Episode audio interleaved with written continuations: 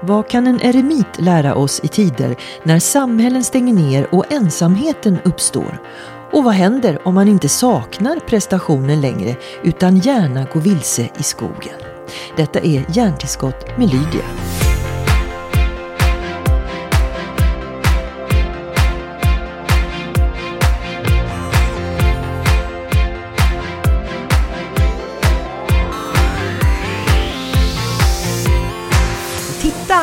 Tillbaka! Ska du, Du, hälsa på ditt Hej, gäng där? Marcus heter jag. Väldigt kul att vara här.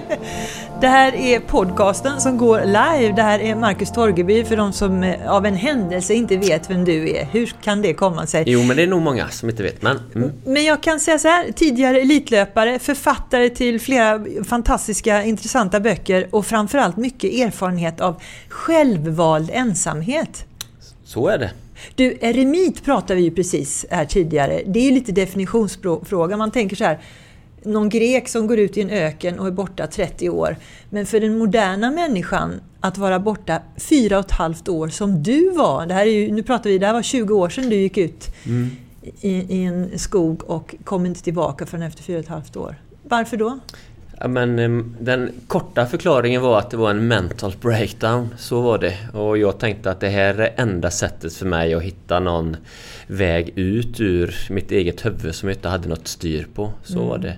Och jag tänkte om jag sätter mig själv i en situation som är väldigt nära mina basbehov. Då, kanske, då blir jag tvingad till att hitta något. Ja. Och hittar jag inte något så kommer jag dö. Alltså ungefär så. Men Marcus, jag tror många... Hur gammal var du när du gjorde det? Ja, jag var 23. Ja.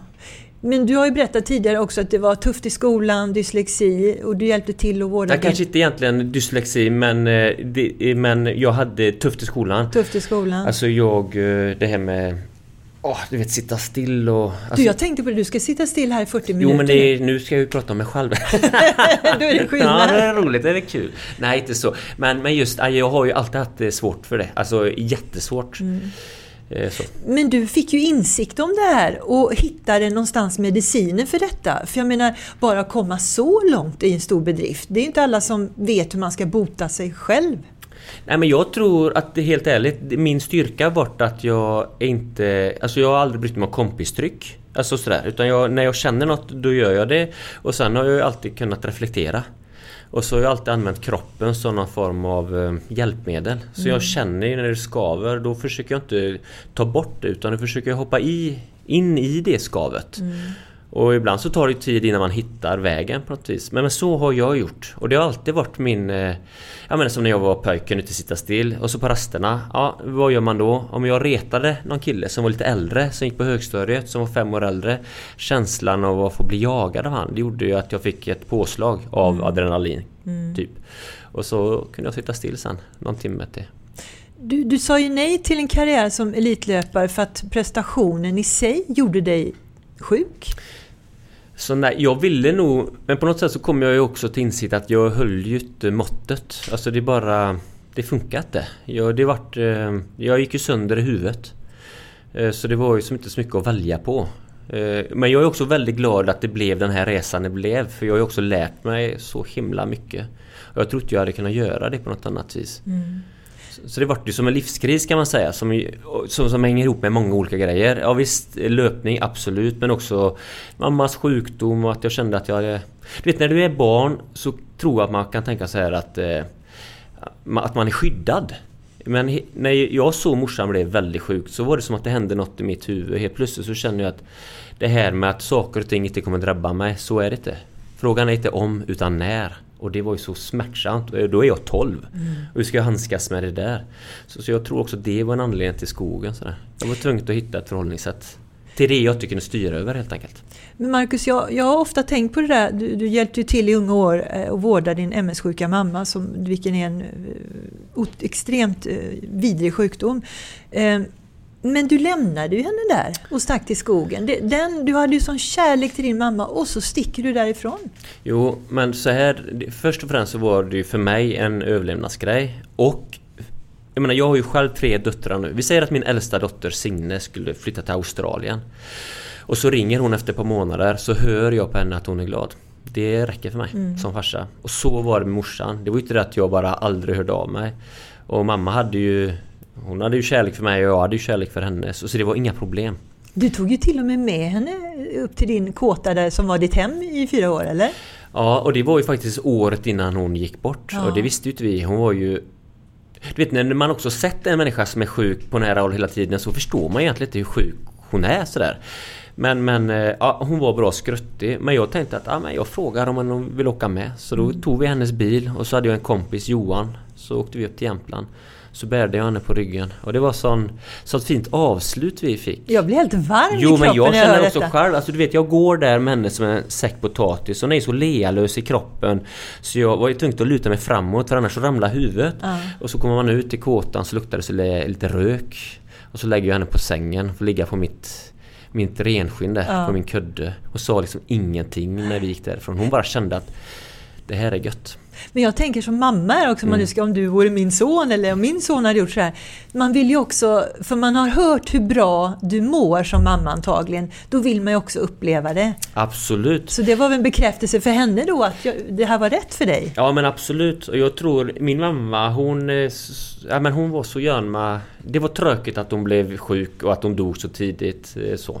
Men vilken jävla morsa. Så. Mm. Den var ju helt totalt orädd och äventyrslysten och ett gött hjärta. Så, mm. så det var väldigt skönt och fint för mig att få visa henne det. Och tyvärr så har det väl varit så i barndomen, alltså det var ju så mycket vårdande.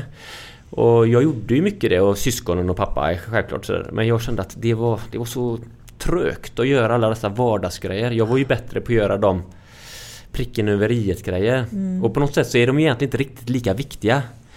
Så, men jag kände att det kan jag ändå göra. Bära upp henne på Öckerös högsta berg eller ta på en eh, flytväst och så hoppar vi i havet. Om hon inte har simmat på tio år. Mm. Det, var ju, det var jag bra på. Vilka minnen! Ja för mig så är det otroligt. Ofta så var det så att när värmen var som varmast på sommaren då funkade hennes kropp. Hon blev, termostaten funkade. Det var som att han hade konstant feber. Och så bara på med sån här flytväst och i havet. Och så i början så började det nästan bara skaka sådär men sen så är det som att nerverna blir, blir... Ja men när hon blir kall så är det som att allting klarnar. Så hade vi som ett fint... Ja, det var som fina stunder. Så. Du Marcus, det här är ju skitjobbigt att prata om men, men MS kan ju vara ärftligt. Ja, jag har ju haft råpanik kan jag säga. Alltså framförallt när jag sprang som hårdast för många år sedan. Och jag förstod ju inte att tränar man mycket så måste man vila och äta. Det låter ju som att hur körkad är du? Men jag var ju mycket själv i det här. Och så, ja, jag minns någon gång när det bara svider så i benen och den där tanken av att Marcus, mm. nu har du fått det. Åh, nu, alltså, nu har du blivit sjuk. För det var lite så det började mm. för mamma. Ja. Så det tog lång tid för mig att hitta ett, en väg runt det. Jag fick bara hoppa in i den paniken sådär. Och det var ju skogen som hjälpte mig med. Mm. Jag insåg att jag kan inte styra över det. Jag kanske blir MS-sjuk. Men jag kan styra över hur jag tänker kring det. Nu kommer vi in på någonting, saker och ting som vi inte kan styra över, men vi kan styra över hur vi ska förhålla oss till saker och ting. Eh, kom det naturligt för dig? Att du tvingades in i att vara sån? Ja, det var ju en ren överlevnadsgrej. Men alltså jag, för mig så landade det egentligen ganska tidigt i att kontroll är ju bara en illusion. Alltså på riktigt. Det enda jag kan styra över är ju ändå förhållningssättet. Och på något sätt så tror jag det hänger ihop med... Jag tänker min morfar, han levde ju hela sitt liv på havet. Det är ju rörligt underlag. Mm. Och han insåg att ja, men det här kommer jag aldrig kunna styra över. Det jag kan styra över är att äta bra, bli en bra fiskare. Då kanske det går vägen. Så. Mm. Och så får man ha frid över allt annat skit. Att jag kanske dör. Mm. Så, så på något sätt så tror jag det här handlar mycket om att Fatta att du inte kan ha kontroll och att du ska dö. Och tänker du mycket på det så hittar du ett förhållningssätt och då är det som att det lugnar ner sig. Så var det för mig i alla fall. Mm. Och jag tror att det kan hjälpa många andra också. Uh, man måste nästan hämta andan här för det är så stora saker. Ja men det är ju det, men livet är ju så här. Alltså på riktigt, alltså vi måste ju ställa de stora frågorna och det tror jag vi ska... Och framförallt nu i coronatider så är det som att det här blir så aktualiserat. Men jag tror att även när det är gött och det flyter så måste man fundera på det här. Mm. Alltså vi kan ju inte heller veta hur man ska lösa saker och ting när du är i en kris. Jag tror det kan vara vettigt att tänka lite innan. Det är samma om jag är ute mycket i naturen och så går jag över en is.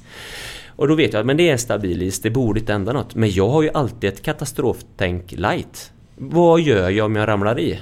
Det är rätt bra att ha det ja, generellt. och så ska du ha det hela tiden. Mm. Och det är ju inte det att du är deppig för att du tänker så utan det är bara ren självbevarelsedrift.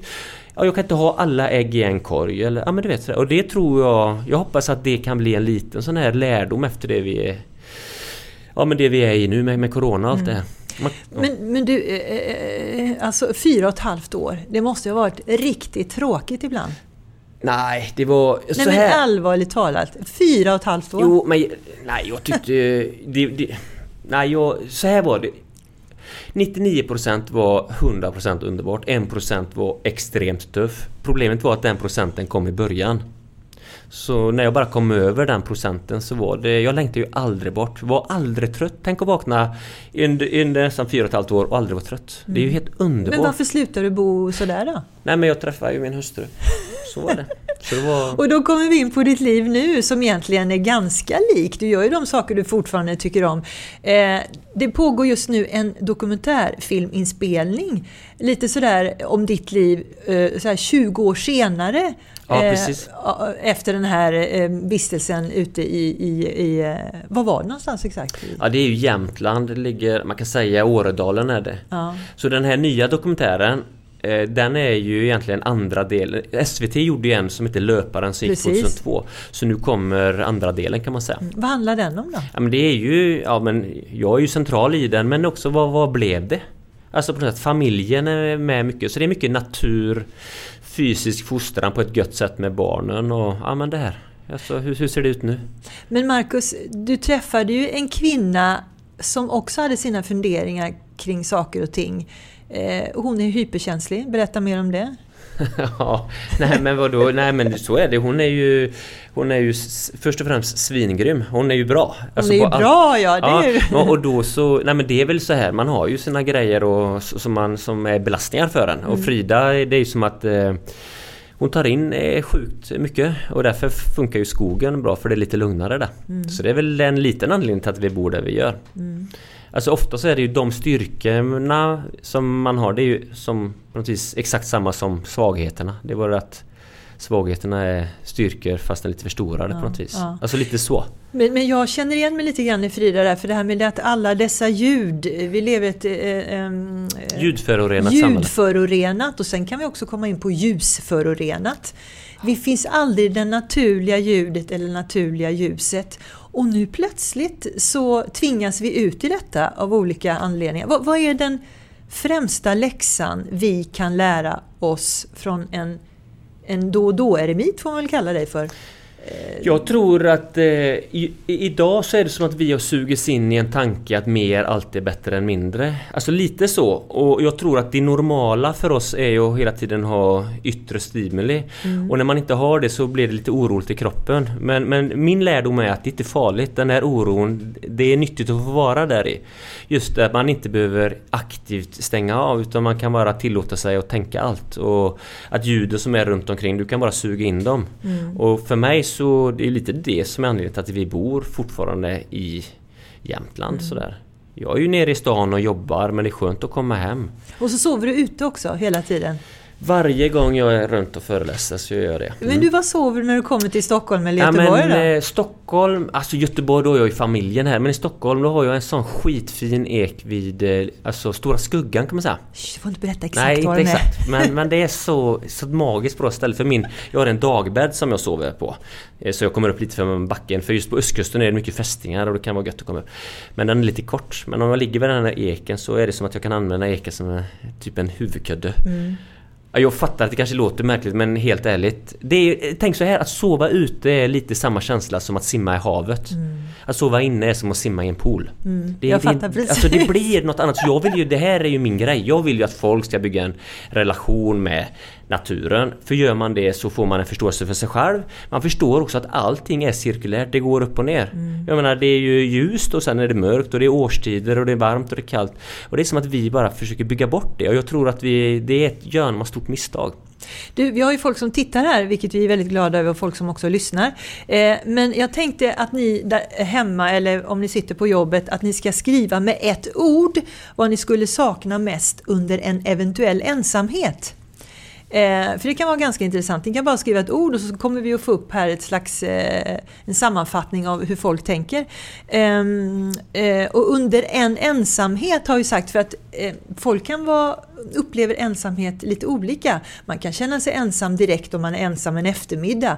Andra känner sig inte ensamma förrän efter en vecka och sådär. Så att det är också, vad beror det på? Nej men jag tänker ju också, det, det man ska veta med ensamhet är ju skillnad på självvald och ej självvald sådär.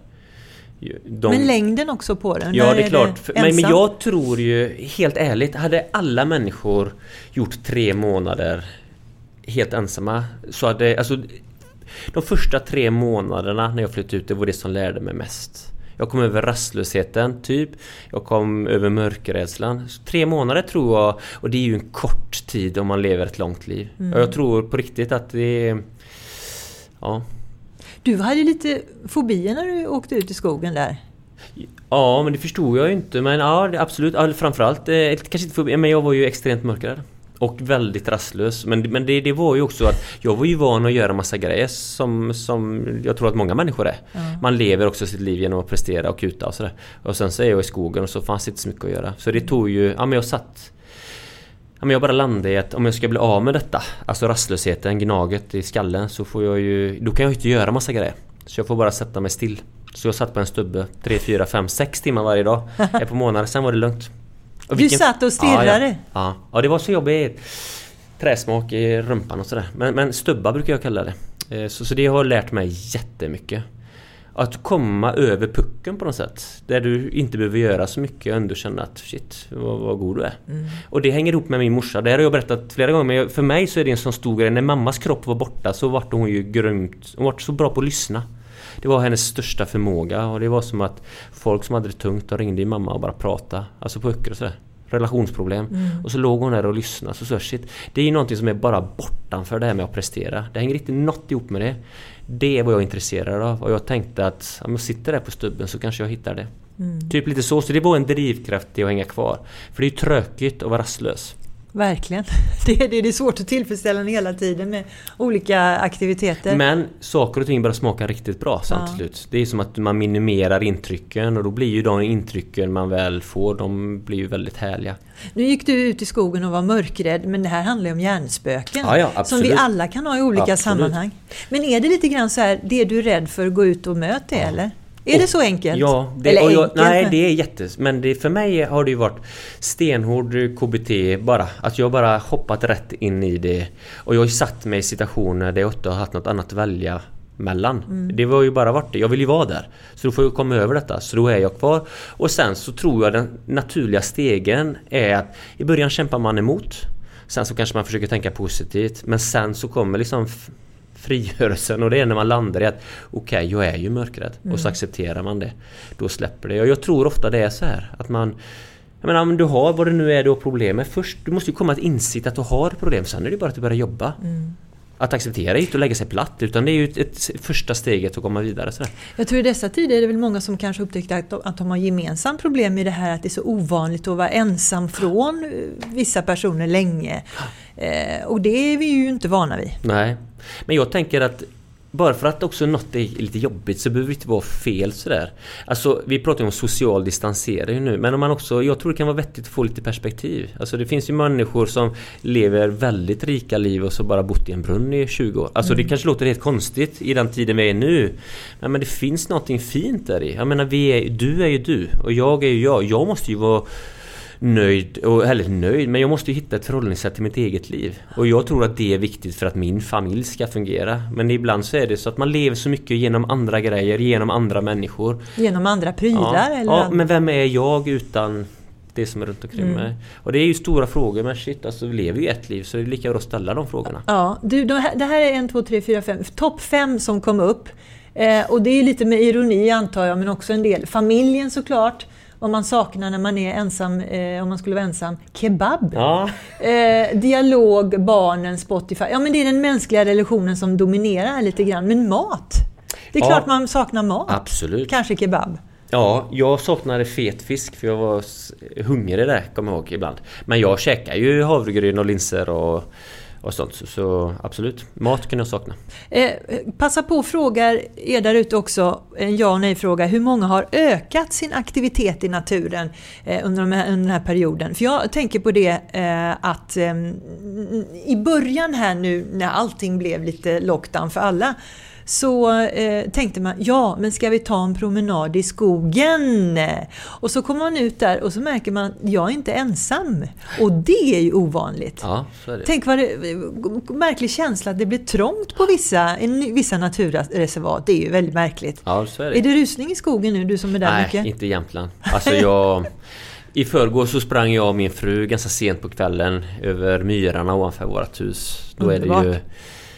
Kall myr, lite snö, ensamt, en trött sol. Ja, det var ju magiskt. Så, så Jämtland märker man inte det och Sverige är ju ganska stort. Men jag fattar ju runt städerna, det är ju mer folk på mindre yta som bor där. Har klart det blir lite trångt där.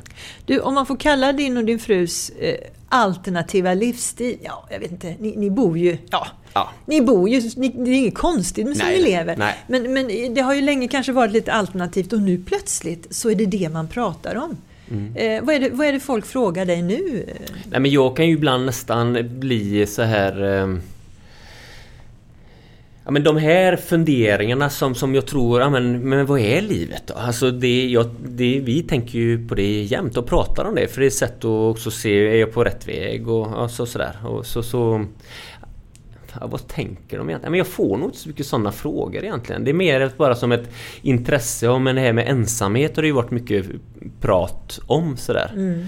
jag Och kan där bara- har du verkligen svar på tal. Ja, men jag kan ju känna som att ja, absolut. Och det finns någonting ruggigt nyttigt att klara av att vara själv med sig själv. Mm. Sådär. Och jag tror att det är en förutsättning för att kunna leva ett bra familjeliv också. Mm. Man pratar ju hela tiden om att det, ska vara team och, och det är jättebra men man måste också bara kunna ha ro. Och hur hittar man det? Ja, först kan man ju börja ställa sig frågan. Alltså det här med Finns det en anledning till att jag mår som jag gör? Sådär. Det är så mycket sådana basgrejer som jag tycker att vi missar. Det är som att vi hela tiden söker alla svar utåt. Men jag tänker att vi kan ju så sjukt mycket. Så det gäller ju bara att släppa fram det. Och hur gör man det? Och då tror jag att ibland så kan man behöva sansa sig. Jag menar, som när, för några år sedan så om man skulle titta på film så gick man ner till bensinstationen och så hyrde du en film. Ja. Ja, det var ju det. Nu så, alltså det är så tillgängligt så det normala är att du kollar en serie på kvällen och, och jag tror att det gör någonting med oss. Jag vill ju att vi människor ska leva rika liv. Och hur gör man det? Och jag tror att det handlar, ihop, eller det handlar lite om att också hitta sin riktning sådär. Och bara för att man hittar sin riktning så är ju inte allting lätt. Men, men på något sätt så finns det en sån stor frihet och det finns en himla mäktig energi där i. Och hur gör man? Och jag tror, för mig så är ju det här att bara få vara i mitt huvud och få vara lite själv. Det har hjälpt mig med det. Får vara i ditt huvud. Du får gärna vara där själv. Alla, du, vi kan ju inte vara i varandras huvuden. Men, men du, här ser vi nu att det är över 70 procent som säger att de har ökat sin aktivitet i naturen. Här finns ju god potential för folk att hitta sin riktning om man säger så. Ja, jag tror det. Och så, om Kanske man är, minska den psykiska ohälsan. ja, jag tror ju... Jag körde en... Jag hade en föreläsning med en som heter David Ebenhardt. Han är överläkare i psykiatri. Och han sa att den bästa effekten jag får på mina patienter Det är när jag får dem ut i naturen i rörelse. Alltså det här är ju som ett A-grejer. Alltså det, ja men rör man sig? Nej, kanske kan börja med det. Sover du dåligt? Ja men börja bara de här basgrejerna. Jag menar 1,6 miljoner svenskar äter medicin för huvudet varje dag. Alltså det är något ruggigt osunt i det där. Vi har det ganska bra. Så då kan ju inte lösningen vara att öka på mer tänker jag. Alltså så hur, vilket dike ska vi gräva i? Alltså jag, jag tänker ju att eh, ja, men vi behöver... Eh, ja, för mig så har naturen hjälpt. Och jag Ja. tror att det kan hjälpa många andra. Och jag är ingen unik snubbe. Jag är ju bara en pöjk liksom som har hittat att det här funkar och det är därför vill jag dela med mig av det. Ja, samtidigt, du är ju unik också på det sättet att ibland måste man kunna prata med någon som har gått igenom det här. Och, och vi andra då som kanske har gått i detta ekorrhjul, för jag har trott att det är så det ska vara, behöver höra de här perspektiven. Och det är först nu kanske vi är lyhörda för det. Precis, det är det. Det är precis. rätt timing för Ja, att ta in. Ja, men jag känner att nu är det ju en dörr öppen sådär. Jag menar, om om vi pratar om musik. Nu, nu kanske inte jag är en eh, Bach-fan, men, men om, om vi pratar det, vad är det som triggas igång när man lyssnar på det? Om man gillar det. Det är ju inte det att det är bara toner på ett, ett papper, utan det är någon känsla. Och på något sätt så är det ju det som är grejen. Alltså, Och det är ju så svårt att förpacka och mäta det där. Och jag tror alla vet ju detta men det är så lätt att glömma det för man bara kör på och man är trött helt enkelt. Du, jag har tänkt på en annan eh, grej och den blir en fråga också. Blir det svårt att gå tillbaka och jobba som förut? Ja eller nej? Och den eh, kan ni svara på om ni vill eh, och under tiden så tänkte jag faktiskt checka av med dig. Kan det vara så att när vi nu har denna öppna dörren och vi jobbar oss in och plötsligt så vänjer vi oss vid detta så tänker vi vänta nu ska vi nu tillbaka ja, jag in tror det kommer det. bli jättesvårt. Det blir en backlash. Ja, men jag tror Eller att det är så kalla nyttigt. Jag tänker så här, alltså det är coronagrejen. För mig så är ju det här bara en försmak. Ja, det kanske låter lite deppigt nu men det här är ju en försmak på vad som kommer att ske om inte vi skärper till oss när det gäller miljö och allt det. Så det är ju bara att omfamna det här och göra något svinbra av detta. De problemen vi har är ju vi människor som har skapat så vi människor kan ju också lösa det. Och jag tror att det här är... Men jag vet inte om det kommer att bli så men, men jag... Min morfar, när de var ute och fiskade, vet du vad en enslinje är?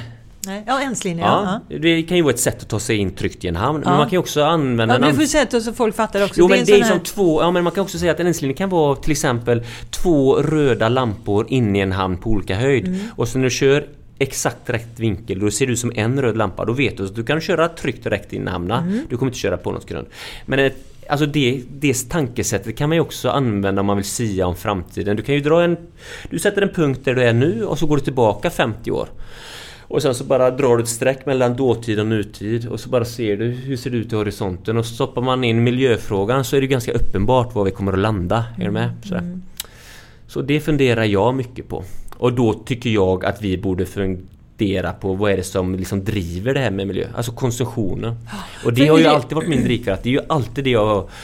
Jag, är ingen miljönisse sådär men jag ser ju att det blir ju en konsekvens av det livet vi lever.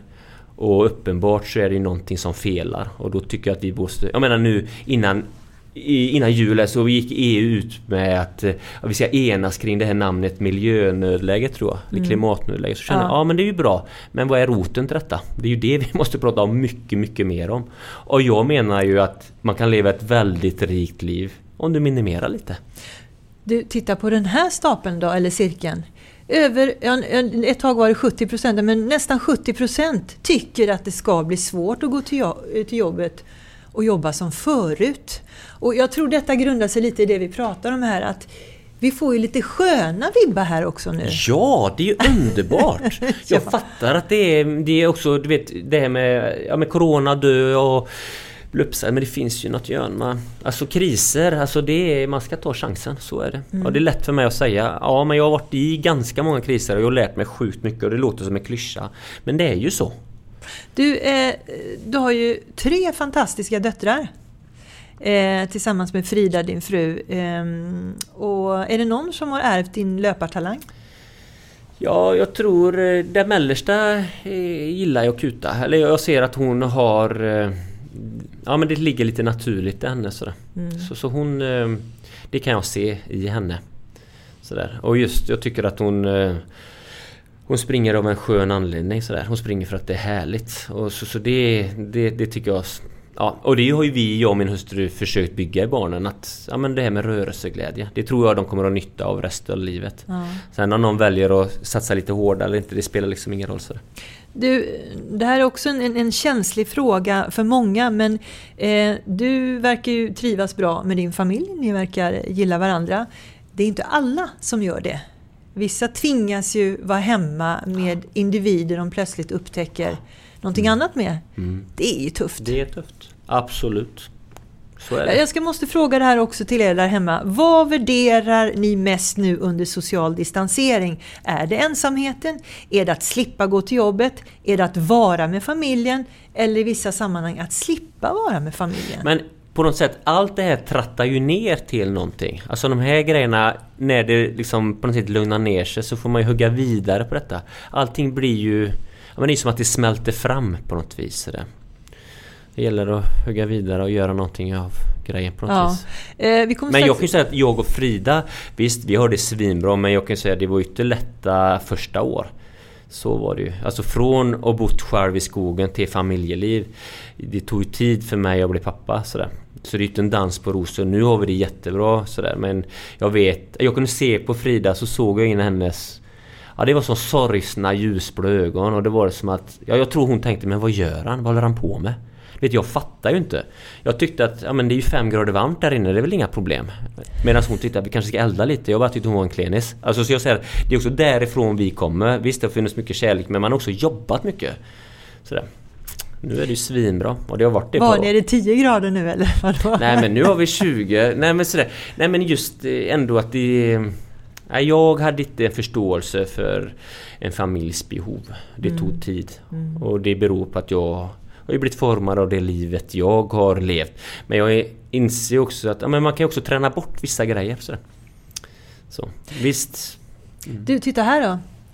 Eh, det man värderar mest är såklart att vara med familjen, säger våra lyssnare. Eh, men det finns en liten del här som är glada över att slippa vara med familjen. Eh, och det kan vara olika skäl. Det kan vara att... ehm, Ja, man har det inte bra helt enkelt. nej. Nej, och man, man har olika anledningar på olika håll och tycker att det är bra att det är så. Ja men det finns ju någonting att hugga vidare på där menar jag. Både de som tycker att det är svingött att vara med familjen. Eh, så. Hur, eh, hur, hur kan jag behålla den här känslan även när det går tillbaka till någon form av mer normalitet. Men ni som inte gillar att vara familjen, det är ju läge att göra någonting då. Ja. Antingen så... Och det kanske är först nu man har haft tillfälle att verkligen fundera på varför Ja. det är som det är. Absolut. Mm. Jag tänker att allt det här, det, det är ju inga lätta... Det, det finns liksom inte på något sätt de här svaren men det handlar ju om att ställa frågorna och börja fundera. Så hittar man ju väg ut ur detta, Men måste vi jag. hamna i en eh, alltså, dystopisk nästan pandemi för att äntligen titta inåt och göra det som är bäst för oss? Ja men jag tänker helt ärligt så tänker jag så här. I en människas liv så kommer man att drabbas av vissa grejer. Du kanske gifter dig eh, och tar du chansen så kan du göra upp med lite av ditt ego. Du kanske blir pappa. Då har du också chansen att göra upp med vissa grejer. Du kanske drabbas av sjukdom sådär. Eh, och ja, jag tror att det är lite så. Mm. Eh, en, en sista fråga här nu. Vad skulle du sakna mest om du bodde fyra månader i skogen förutsatt att du hade skydd och mat då? Det här är också intressant. Är det mobilen, sällskap eller bekräftelse? Ja, svårt. Ja, det är Eh, svårt. Nu hade det nog faktiskt varit familjen. Så mobilen kan ju fet gå bort, det kan jag känna. Mm. Det är inget problem. Men eh, Bekräftelsen kanske? ja, man är ju lite driven av den. Ja, men, ja, och jag kan tänka mig att du är det. Ja, Just ja, det här att absolut. Titta vad jag har gjort, var inte det bra liksom? Men klart, har du familjen där så där finns ju bekräftelse där i. Mm. Sen finns ju de som har familj och det räcker inte. Det ska Nej. vara utöver det liksom. ja, där Staplarna rör sig här lite grann men, men eh, bekräftelsen har redan fått 20% här nästan, eller 16% så att eh, eh, och, än så länge ingen, ingen som saknar mobilen. Nej, det, det är ju rätt klokt svar Ja, egentligen. För att Men jag vem- tror att eh, på något sätt så är det ju... Ja, nej, så är det. Du vågar inte säga någonting? Nej men alltså, jag, alltså På något sätt så är det ju det att alla människor vet ju vilken väg vi ska gå på något sätt sådär. Men, men det blir... eh, Jag tror att man, man kör på så mycket så man är trött så man orkar inte tänka efter. Och jag tror det är viktigt att hitta lite mer vila för då tar man bättre beslut. Och jag tror att naturen och skogen kan hjälpa oss med det. Du, du, ja, vi, vi har fått en fråga här där, eh, av, av alla vi får här så är det Gillar du fortfarande gröt efter alla år? Vad ligger i den frågan tror du? Ja, det ligger i den frågan att det finns inte så många människor i Sverige som har käkat mer havregryn än vad jag har gjort. Jag brukar säga det att Gunde Svan kan slänga sig i väggen när det gäller att äta havregryn. Men jag fick faktiskt ett mail förra veckan och då var det någon som sa Ja, men jag äter faktiskt mer gröt och då beskrev han hur mycket gröt han åt. Men, men nej, jag har ätit sjukt mycket havregryn så är det. Är du trött på det nu eller? Nej, inte alls. Och det åt du ute i skogen också Ja. eller? Men gäller att göra den god. Det ska inte bara vara havregryn och salt utan du ska ju lägga något gött i. Jag brukar alltid... Barr? Nej, nej, nej men jag menar som nu när vi bor där så brukar vi börja med att koka lite kanske, vad är det de heter? Inte fikon? Jo, fikon. Ja. Så att det, vattnet får lite färg och sen Mm. lite kanel och sen så, så, så blir det mycket godare. Du, snart kommer eh, Marcus Torgebys eh, skogskokbok kanske? Ja, så är det. Jag och Niklas Ekstedt kommer att göra det. Ja. Nej, vad ska jag. Nej men bok måste vi prata om. Den Ja. här eh, heter Sova ute. Hur många böcker har du skrivit nu? Jag har skrivit eh, två. Två. Eh, och det kommer säkert fler om jag känner dig och Frida rätt för hon har ju tagit bilderna här. Ja, Fantastiskt. det känns, och den är ju såld till, jag vet inte, när, nej, till 20 med 15 länder tror jag. Jätteroligt är det. Vad är grejen alltså jag, jag fattar vad grejen är med att sova ute men Ja, vad är men grejen grejen är att att... den här, om vi säger att titeln på engelska är Under the Open Skies. Ja. Det är egentligen en... eh, Så, det handlar om att sova ute men det handlar ju mer om att bara begreppet att få vara ute. Vad är det som sker i människan när man får ligga under en... På något sätt en himmel som är, den är ju oändlig. Ja. På något sätt ger det perspektiv. Och jag, så jag skriver om varför jag tror att människor skulle må bra av att få göra det. Mm. Och jag tror att vi behöver, det är framförallt den tiden vi lever i nu. Vi lever i konstant 21 grader för våra hus är det, och jag tror att det gör något med oss som inte är bra. Jag tror att vi människor mår bra av att få känna ett motstånd. Alltså kyla eller lite hunger och sådär. Jag tror att livet blir rikare då. Och det var lite det, var lite det som var drivkraften att skriva detta. Och få göra det med sin hustru. Så hon har ju fotat det och skrivit. Det är ju skitroligt. Hur ofta sover du ute, ute? Ja men det är ju ofta, förra veckan var det två nätter. Ja men det är i perioder eh, stor, alltså sådär. Men ja, förra veckan var det två nätter. Denna veckan kanske... För nu Och är då jag, säger du hej då till Frida och döttrarna. Nu, nu ja, men då pappa. jag också nere i Stockholm och jobba. Ja, så, det är kombination med resor. Mm. Det är inte Men- så att du är hemma och nu... Jo, jo, jo, absolut. Så gör vi också. Och framförallt om eh, någon av barnen har lite sådana här funderingar och de inte riktigt kommer till ro. Då lägger vi oss ofta på utsidan. Och det är som att kylan om det är lite kallt. Alltså den bästa tiden att sova är ju när det är kallt ute. För det är som att man pratar ju om sådana här tunga täcken nu. Men kyla är precis samma grej. Det blir som när kroppen får det där motståndet så kommer den ner till, till ro. Och så kan man ligga där bredvid varandra så tittar du upp mot himlen och så är det helt mörkt. Och så då, det som gnager det kommer fram. Så det är en uppmaning. Alltså sov en natt ute med dina barn eller din man. Det behöver inte vara så krångligt. Du kan sova på balkongen. Det behöver inte vara långt ute i skogen. Det kan vara enkelt. Och så tar du en vanlig en kallskumsmadrass och ett täcke. Det funkar ner till noll grader. Är det kallare så kan du ha en sommarsovsäck och så tar du ett duntäcke över. Just gör det, gör det enkelt. Och så nu då när det börjar bli ljust ute, då hade jag sovit mot en västvägg. Så att inte morgonsolen väcker mig för tidigt. Men på vintern kan man ju sova mot en östvägg för då vill man kanske att morgonsolen ska väcka. Förstår du? Mm, jag förstår. Just det, så, så en natt ute i månaden, det tycker jag kan bli en, en, uppmaning till er som hör på detta. Ja. Testa det! Jag tänker bara så här, eh, de som bor i städer och de som har lyckan att ha en balkong. Plötsligt ser jag framför mig massa kuddar på balkongerna och det är ingen dum idé oavsett. Inte alls. Och, och sen så kanske det, visst är det så att man bor i städer. Jag kan säga att jag har ju sovit ute jättemycket i Stockholm. Och för er som är lite oroliga för att det kommer inte komma någon mördare så var inte det. Jag har inte mött, alltså jag har inte mött en Alltså någonsin, jag har inte mött en enda snubbe där ute. Så det är ingen fara. Ingen är så korkad som Nej! som Och du ska där. gå så långt ut så att du inte ser någon lampa. Då är du helt säker. Mm. Ja, det är det som är så dumt. Man tror ju att man ska undvika mörkret men det är där du får skydd själv. Precis. Sen, det var mycket, vad ska vi säga, målande här också. Om hur vi ska tänka med Ja men oss jag själva. tror det är så. Och så ska Gå man ut inte, i mörkret. Ja, och så ska man inte vara... Nej men precis. Du Marcus Torgeby, eh, nu vet jag ju också, för vi skvallrade lite här innan, att nu är det ju det är sådär. Plötsligt eh, börjar man prata om någonting och så blir det hypat och så är det plötsligt en trend. Och nu ska du sova ute på Friends Arena. Ja men Eller? det är, nej, men vi får väl se. Men det är, jag har väl en plan om att göra lite sådana stora grejer. Ja. Det är jätteroligt. Mm. Öppna taket och ligga Ja, där och... jag tror det kan vara... Ja, jag har... Nej, sova ute. Det är lite... Det är en mission jag har. Det ger perspektiv. Jag, jag tycker att det finns mycket att lära. Men vet du vad, din resa är ju inte slut. Jag tror vi sitter och pratar om någon, någon annan bok kanske. Eh, För du upptäcker ju saker och ting hela tiden med dig själva. Men jag ska inte säga för mycket än. Men visst, det finns mer grejer. Det är kul. Typ. Typ, typ så. Typ så. Ja, ni får hålla koll. Vi ska hålla koll. Ja. Jag ska inte tjata mer på dig. Marcus, oändligt roligt att Ja, få träffa dig. Kul att Eh, träffa dig också. Ja, och tack så mycket. Tack själv.